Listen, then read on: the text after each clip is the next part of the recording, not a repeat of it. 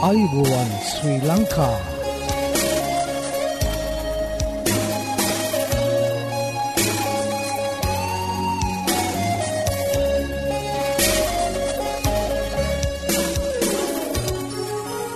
ඔබට සුපදස මේ Adventist world radio බලාපොරොත්වය හඬ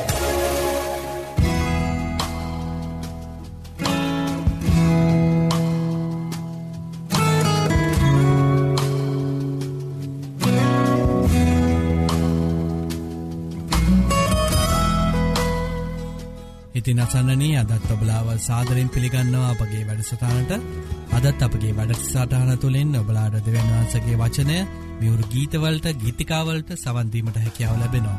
ඉතිං මතක් කරන්න කැවති මෙම වැඩසටානගෙනෙන්නේ ශ්‍රී ලංකා 70 ඇඩවෙන්ටිස් කිතුුණු සභාව විසින් බව ඔබලාඩ මතක් කරන්න කැමති. ඉතින් රැදිී සිටින්න අප සමඟ මේ බලාපොරොත්තුවය හඬයි. අතදිනේ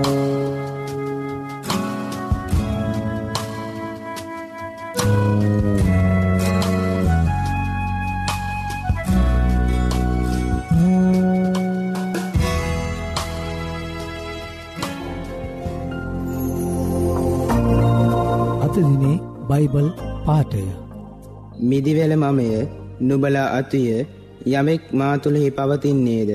මම ඔහු තුළ පවතිම්ද? ඒ තැනැත්තේ බොහෝ පලදරයි මක් නිසාද මාගෙන් වෙන්ව කිසිවක් කරන්නට නුබලාට බැරිය? යමෙක් මා තුළ එනොපවතිී නම් ඔහු අත්තක් මෙන් පිට දමු ලැබ වියලීයයි. ඒවා එක්කොට ගින්නට දමනු ලැබේ. ඒවා දවාලන්නේය. නුබලා මාතුළෙහි පවතින්න ඕනම් මාගේ වචනය නුබලා තුළෙහි පවතිී නම් නුබලා කැමති දෙයක් ඉල්ලන්න එවිට නුබලාට ලැබේ. සුද්ද යොහන් පහළවේ පහේ සිට අට දක්වා. ආයුබෝවන් මේ ඇඩවෙන්ටිස් වර්ල් රේඩියෝ බලාපොරොත්වය හඬ සත්‍යය ඔබ නිදස් කරන්නේ යසායා අටේ තිස්ස එක. මේ සත්‍ය සොයමින් ඔබ අද සිසිින්නේද? එසේ නම් ඔබට අපගේ සේවයෙන් පිදින නොමිලි බයිබල් පාඩම් මාලාවට අදමැතුල්වන්. මෙන්න අපගේ ලිපිනය ඇඩවෙන්ටිස්වල් රේඩියෝ බලාපොරත්තුවේ හඬ තැපැල් පෙටේ නම සේපා කොළඹ තුන්න. Quando deixa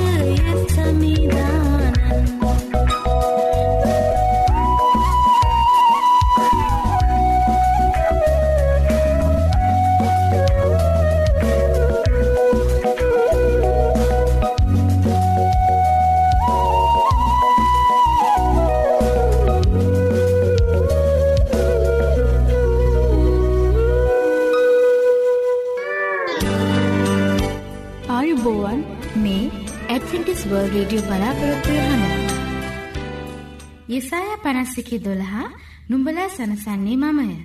ඔබට මේ සැනසම ගැන දැනගානට අවශ්‍යද? එසේ නම් අපගේ සේවේ තුළින් නොමිලේ පිදෙන බයිබල් පාඩම් මාලාවට අදම ඇතුල්වන්න.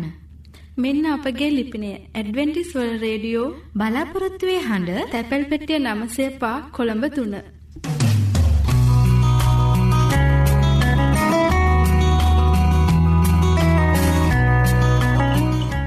ඉතින් අසන්නනී ඔබලාට ස්තුතිවන්ත වෙනවා අපගේ මෙම මැරිසටාන් සමඟ එක්වී සිටීම ගැන. ඇතින් අපි අදත් යොමුුවමු අපගේ ධර්මදේශනාව සඳහා. අද ධර්මදේශනාව ඔබ හටගෙනෙන්නේ විලීරීත් දේවගෙදතුමා විසින්. ඉතින් ඔහුගෙනන ඒ දේවවාක්‍යයට අපි දැන් යොමු රැඳි සිටින්න මේ බලාපොරොත්තුවය හඬ.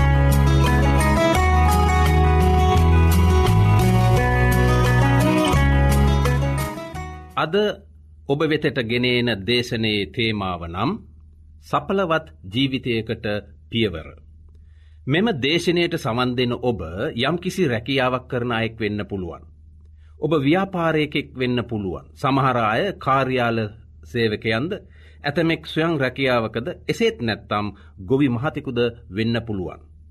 ඔබ මොන රැකියාවක යෙදී සිටියත් පොදුවේ ඔබ සියලු දෙනා තුළ ලොකු බලාපොරොත්තුවක් තිබෙනවා. එනම් ඔබ කරන දෙයින් සපලමත් වෙනවා දකින්නයි.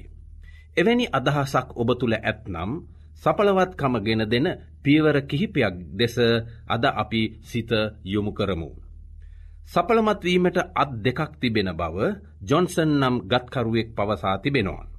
සපලවත්කමේ දකුණු අත වීරියවන්තකමද වම් අත පිරිමැස්ම බවද ඔහු පවසයි. උත්සහවන්තකමත් කඩිසරකමත් නැත්තම් ඔබගේ ව්‍යාපාරය හෝ රැකියාවේ සපලමත්කමක් දකින්නට ලැබෙන්නේ නැහැ. එමෙන්ම අර පිරිමැස්ම නැත්නම් අනවශ්‍ය වියදම්ද ලදදයින් සැහැීමට පත්වන්නේ නැත්තම් ජීවිතය සපලවත් වන්නේ නැහැ. ඔබ රජයේ සේවකෙක් හෝ පෞද්ගලික ආයතනක සේවය කරන අයෙක් විය හැක. සපලවත්කම ලබාගන්නට නම් ඔබ තුළ අවංකකම විශ්වාසවන්තකම කඩිසරකම පිරිමැස්ම වැනි යහපත් ගුණාංග ඇත්නම් සැබවින්ම ඔබගේ ජීවිතය සපලමත් වෙනවා නියතයි.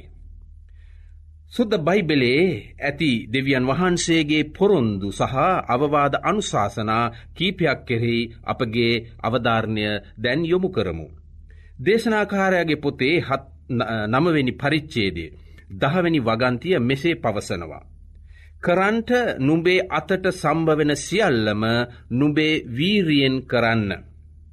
එවැනි අයගේ සපලමත්කම ගැන සාලමොන්නම් ප්‍රඥාවන්ත රජතුමා හිතෝපදේශ පොතේ විසි දෙවනි පරිච්චේදේ විසි නමවෙනි වගන්තියේ මෙසේ සඳහන් කර තිබෙනවා. තමාගේ වැඩෙහි දක්ෂ වූ මනිශ්‍යයකු දකින්නෙහිද ඔහු පහත් අය ඉදිරිහෙහි නොව රජුන් ඉදිරිහෙහි සිටින්නේ යැයි ඔහු පවසනවා. බලන්න අසන්නෙනි වීරියවන්ත මනුෂ්‍යකුගේ ප්‍රගතිය සමාජ ශේත්‍රයේ ඉහළ මට්ටමකට යෑමේ හැකියාව ඔහුට උදාවෙනවා. නිතරම ධනචින්තනයෙන් බලන්න ඕන. මට බැහැ මට නැහැ කියා රිනචින්තනයෙන් බලනවානම් කවරදාක්වත් එවැනි අයගේ ජීවිතයේ සපලමත් බවක් ඇතිවන්නේ නැහැ. මූුණපාන ඕනෑම අභිහෝගයකට මුහුණ දෙන්න ශක්තිය තිබෙන්ට ඕන ආත්ම ශක්තිය ආත්ම දහිරිය තිබෙන්ට ඕන. ප්‍රශ්නය විශ්ලේෂණය කරන්න. විකල්ප සැලසුමක් යොදාගන්න පසුබසින්න එපා. මා බලවත් කරන ස්වාමින් වහන්සේ තුළ මට සියල්ල කරන්න පුළුවන් යන ධනාත්මක චින්තනයෙන් අධිෂ්ඨාන කරගෙන ඉදිරියට යන්න. අපේ ජීවිත කාලයේදී ධර්මිෂ්ට ජීවිතයක් ගත කරන්න ඕනෑ. දේව භක්තියෙන් යුක්තව ආගමික ප්‍රතිපත්ති රකිමින් සියලුම මනුෂ්‍යයන්ට කරුණාව දක්වන්නේ නම් ස්වාමින් වහන්සේ එවැනි අයගේ ජීවිතය රැකියාව සපලමත් කරන බවට හිතෝපදේශ පොතේ දහවිනි පරිච්චේදේ තුන හතර පහ යන වගන්තිවි දෙස දැන් අපේ සිත යොමුකොට ඒ ගැන සලකා බලමු. තුන්ගනි පදේ සඳහන් වෙනවා ස්වාමින් වහන්සේ ධර්මිෂ්ට්‍රයා හාමත්වෙන්ට නාරින සේක. එහෙත් දුෘෂ්ටියන්ගේ අභිලාශය උන්වහන්සේ නිෂ්පල කරන සේක. හතරනි වගන්තිය සඳහන් වෙනවා. අලස අතකින් ක්‍රියා කරන්නා දිලිඳුවන්නේය ඒත් උත්සාහ ඇත්තාගේ හස්තය ධනය උපදවන්නේය. පස්වනි වගන්තිය සඳහන් වෙන්නේ ග්‍රීෂ්ම කාලයෙහි රැස්කර ගන්නා ඥානවන්ත පුත්‍රේක්‍ය ගොයම් කපන කාලෙහි නිදන්නා ලජ්ජාව ඇතිකරවන පුත්‍රේක්‍ය. කම්මැලියා දුප්පත්වේ යන කියමනක්ද අපාතර පවතිනවා. අලසයාට ප්‍රගතියක් නැහැ. අපේ සේවා කාලයේදී අලසව පැය අටක සේවයක් රට වෙනුවෙන් නොකරොත් ආයතනය වෙනුවෙන් අපි අපගේ සේවය ලබා දුන්නේ නැත්නම් මුළු රටම අගාධයට ඇද වැටෙනවා. අපේ ශ්‍රමය යොදා සොයන මුදලින් ලොකු සතුතකට අපට පත්වෙන්නට පුළුවන්. සුද්ද බයිබිලේ හිතෝපදේශ පොතේ විසි අටවනි පරිච්චේදේ දහනාමිනි සහ විසිවනි වගන්ති අපව දිරිමත් කරනවා. අපි ඒ දෙසද අපේ සිත යොමු කර බලමු මෙන්න දහනමිනි පදේ සඳහන් වෙනවා තමාගේ බිම අස්වත්දන්නාට බොහෝසයින් කෑම ලැබේ. එහෙත් නිෂ්පල අය අනුව යන්නා දිලිඳුකමින් පූර්ණවේ. විසිනිවාගන්තය සඳහන් වෙන්නේ විශ්වාස මනුෂ්‍යයකුට බොහෝ ආශිර්වාද ලැබේ. එහෙත් වස්තු උපතවාගන්ට ඉක්මන් වෙන්න වෙන්නා දඩුවම් නොලැබ සිටි. අසන්නෙන ඔබගේ ජීවිතේ රැකියාවේ ව්‍යාපාරයේ සපලමත්කමින් බුක්තිවිනින්නේ කවරෙක්ද. පළමුකොටම ඔබගේ පවුලේ අය බව බයිබලේ මෙසේ සඳහන් කරයි. එක තිමෝතිගේ පොතේ පස්වනි පරිච්චේදේ අටවෙනි වගන්තියේ පාවුලුතුමායේ තිමෝති කියන්නාවේ බාල සේවකයාට මෙන්න මෙසේ අවාද අනුශාසනාවක් දීතිබෙනවා. යමෙක් තමාගේ අය ප්‍රධානකොටම තමාගේ පවුලේ අය රක්ෂා නොකරන්නේ නම් ඔහු ඇදහිල්ල එපා කළේය ඔහු නොහැදිලිකාරෙකුට වඩා නරකය. ඔබගේ විශ්වාසවන්තකම අනුවයි ඔබගේ සපලවත්කම රඳා පවතින්නේ. මුදල් ගණුදුලිවෙන්න විශ්වාසව සිටින්ට. වැඩකාරයන්ට දෙන මුදල් පවා විශ්වාසවන්තව කටයුතු කරන්න ඒවා නියම කාලයට ඒ නියම කුලිය ඔවුන්ට ගෙවන්න. දෙවියන් වහන්සේගේ ගෘහය අලුත් වැඩියා කරන්නාව අවස්ථාවකදී. ඒ දාවිත් රජතු සාලමොන් රජතුමා මෙන්න මේ විදිහට ඔහුගේ ඒ සේවකයන් ගැන විශ්වාස තැබුවේ මෙසෙයි. ඒ මුදල් හදල් ගැන ක්‍රියාකරපු අයගෙන් රජතුමා කිසිම දෙයක් ඇසුවේ නැත්තේ ඒ අය විශ්වාසවන්තව මුදල් පරිහරණය කරපු නිසයි. එම පොතේ සඳහන් කරනවා. තවද වැඩකරන්නන්ට දෙන්ට මිල බහරදෙනු ලැබූ මනුෂ්‍යයන්. විශ්වාස කළ බැවින් ඔවුන්ගෙන් ගණනක් නොගන්නා ලද්දේය. පලන්ට කොච්චර විශ්වාසකමන්තකමක් තිබෙනවා නම් ඒ විශ්වාසවන්තකමුව අනුව අවංක සිතක් අප තුළ තිබෙනවානම් අප කරන ව්‍යාපාරය ඒ හැම ව්‍යාපෘතියක්ම සාර්ථක වෙනවා නියතයි. අපගේ ජීවිතය ව්‍යාපාරය රැකියාව සපලමත් නොවන අවස්ථාද ඇත. ඉක්මනින් ධනය රැස්කරගන්නට සපලමත් වන්නට උත්සාහධරණ තැනැත්තව නොෙක් පරීක්ෂාවලට පත්වෙහි. අසන්නන අපේ සපලමත් භාවයට හරස්වන බාධක ස්වල්පයක් දෙස බලමු. එක කරුණක් නම් අලසකමයි. හිතෝපදේශ පොතේ විසිවනි පරිච්චේදේ තුන්ගනි වගන්තය කියනවා. නුඹ දිලිඳු නොවන පිණිස නින්දට ඇලුම් නොවන්න. කම්මැලි වුණොත් ප්‍රගතියක් නැහැ. මට බැහැමේක කරන්න මට වත්කමක් නැහැ ක්‍රමයක් නෑ කියලා මැලිවෙනවා නම් ජීවිතය අරුමණ කොහොමද සපලමත් වන්නේ අසන්නෙන. වංචහ සහගතව සපලමත්වෙන්ට උත්සාහරද දරන්න එපා. බොරු කියලා මුලා කරලා ප්‍රෝඩාවෙන් සපලමත්වෙන්ට උත්සාහ දරන අය දුකට පත්වේ මේ සම්බන්ධව හිතෝපදේශ පොතේ විසියෙක්වනි පරිච්චේදය හය සහ පස්වනි වගන්තිවල දේව වචනය මෙසේ සඳහන් වී තිබෙනවා. බොරුකාර දිවකින් වස්තු ලබාගැන්ම හුළඟට ගසාගෙන යන දුමාරයක්ය. ඒවා මරණයේ මලපතක්ය.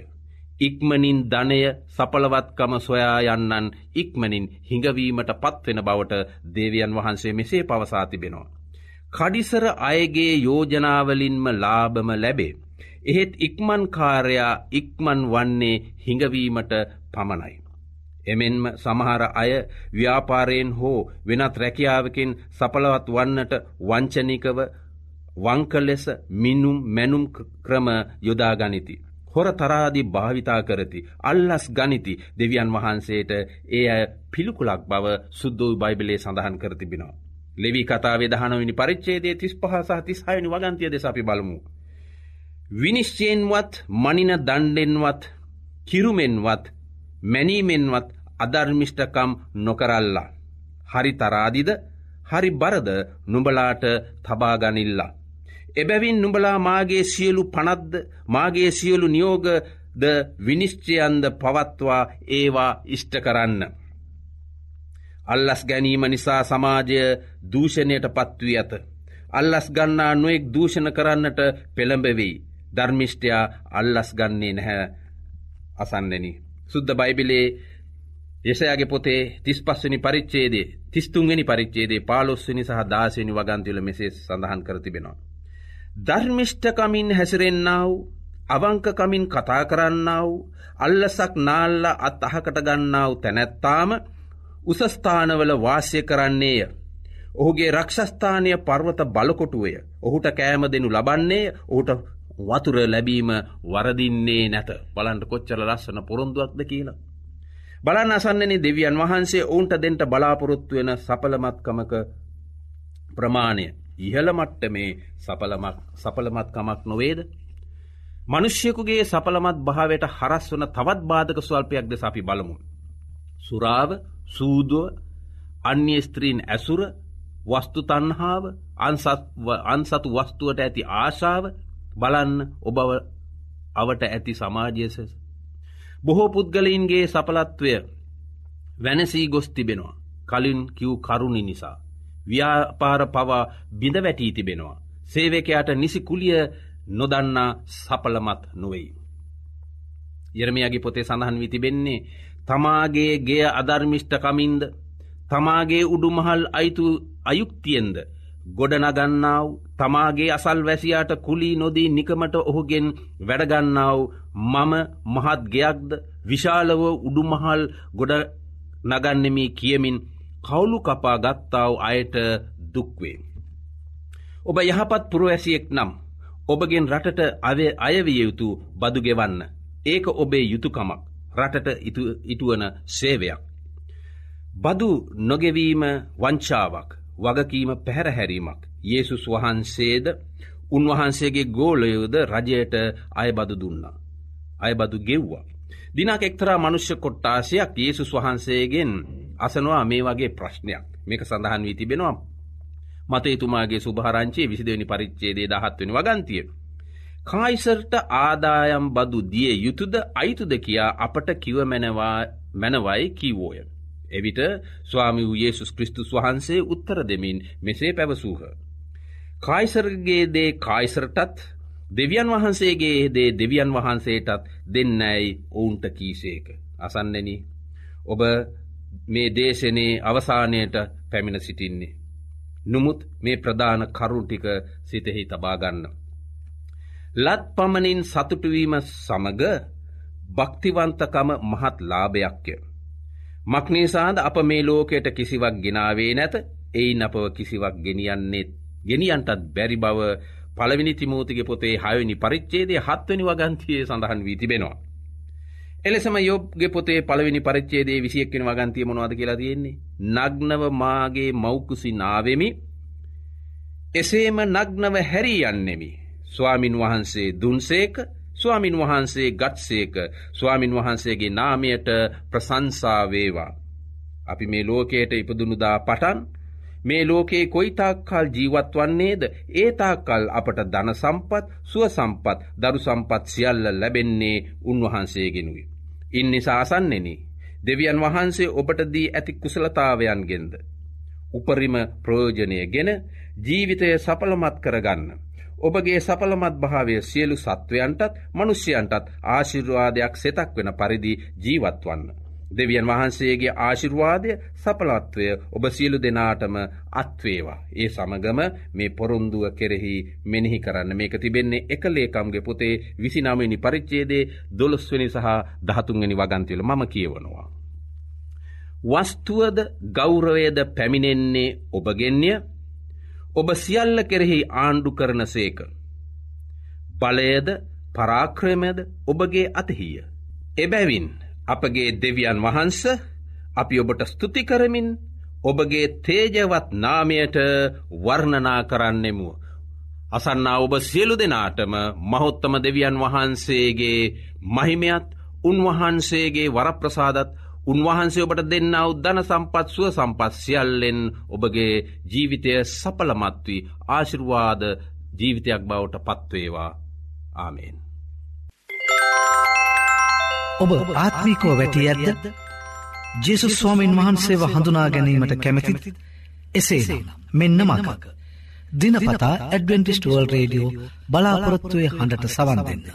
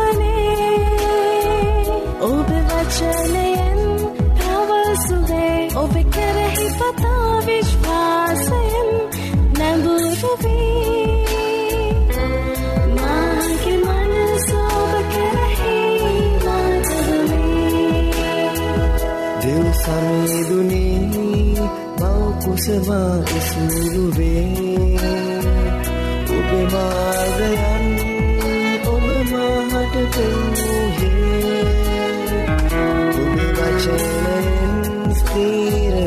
ඔබේ ආත්මයෙන් පූර්ණවී සකලවී මාගේ ප්‍රේමය ඔබ කෙරෙහි